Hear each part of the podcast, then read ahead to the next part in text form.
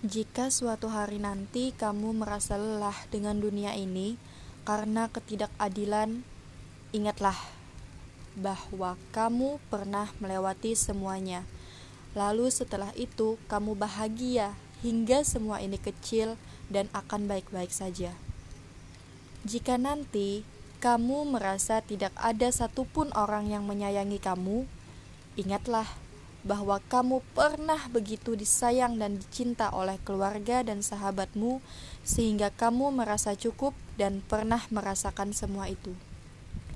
Jika nanti kamu merasa sendiri dan semua orang pergi meninggalkanmu, ingatlah bahwa itu semua pasti akan terjadi, dan memang hanya Allah yang selalu ada untukmu. Ketika kamu bersyukur dan melibatkan Allah di semua hal, kamu akan sadar bahwa dunia tidak ada apa-apanya dan semua ini hanyalah sementara. Maka dari itu, don't forget syukur. La in syakartum la azidannakum. Jika kamu bersyukur, akan aku tambah nikmatku kepadamu dan berpikir positif atau positive thinking.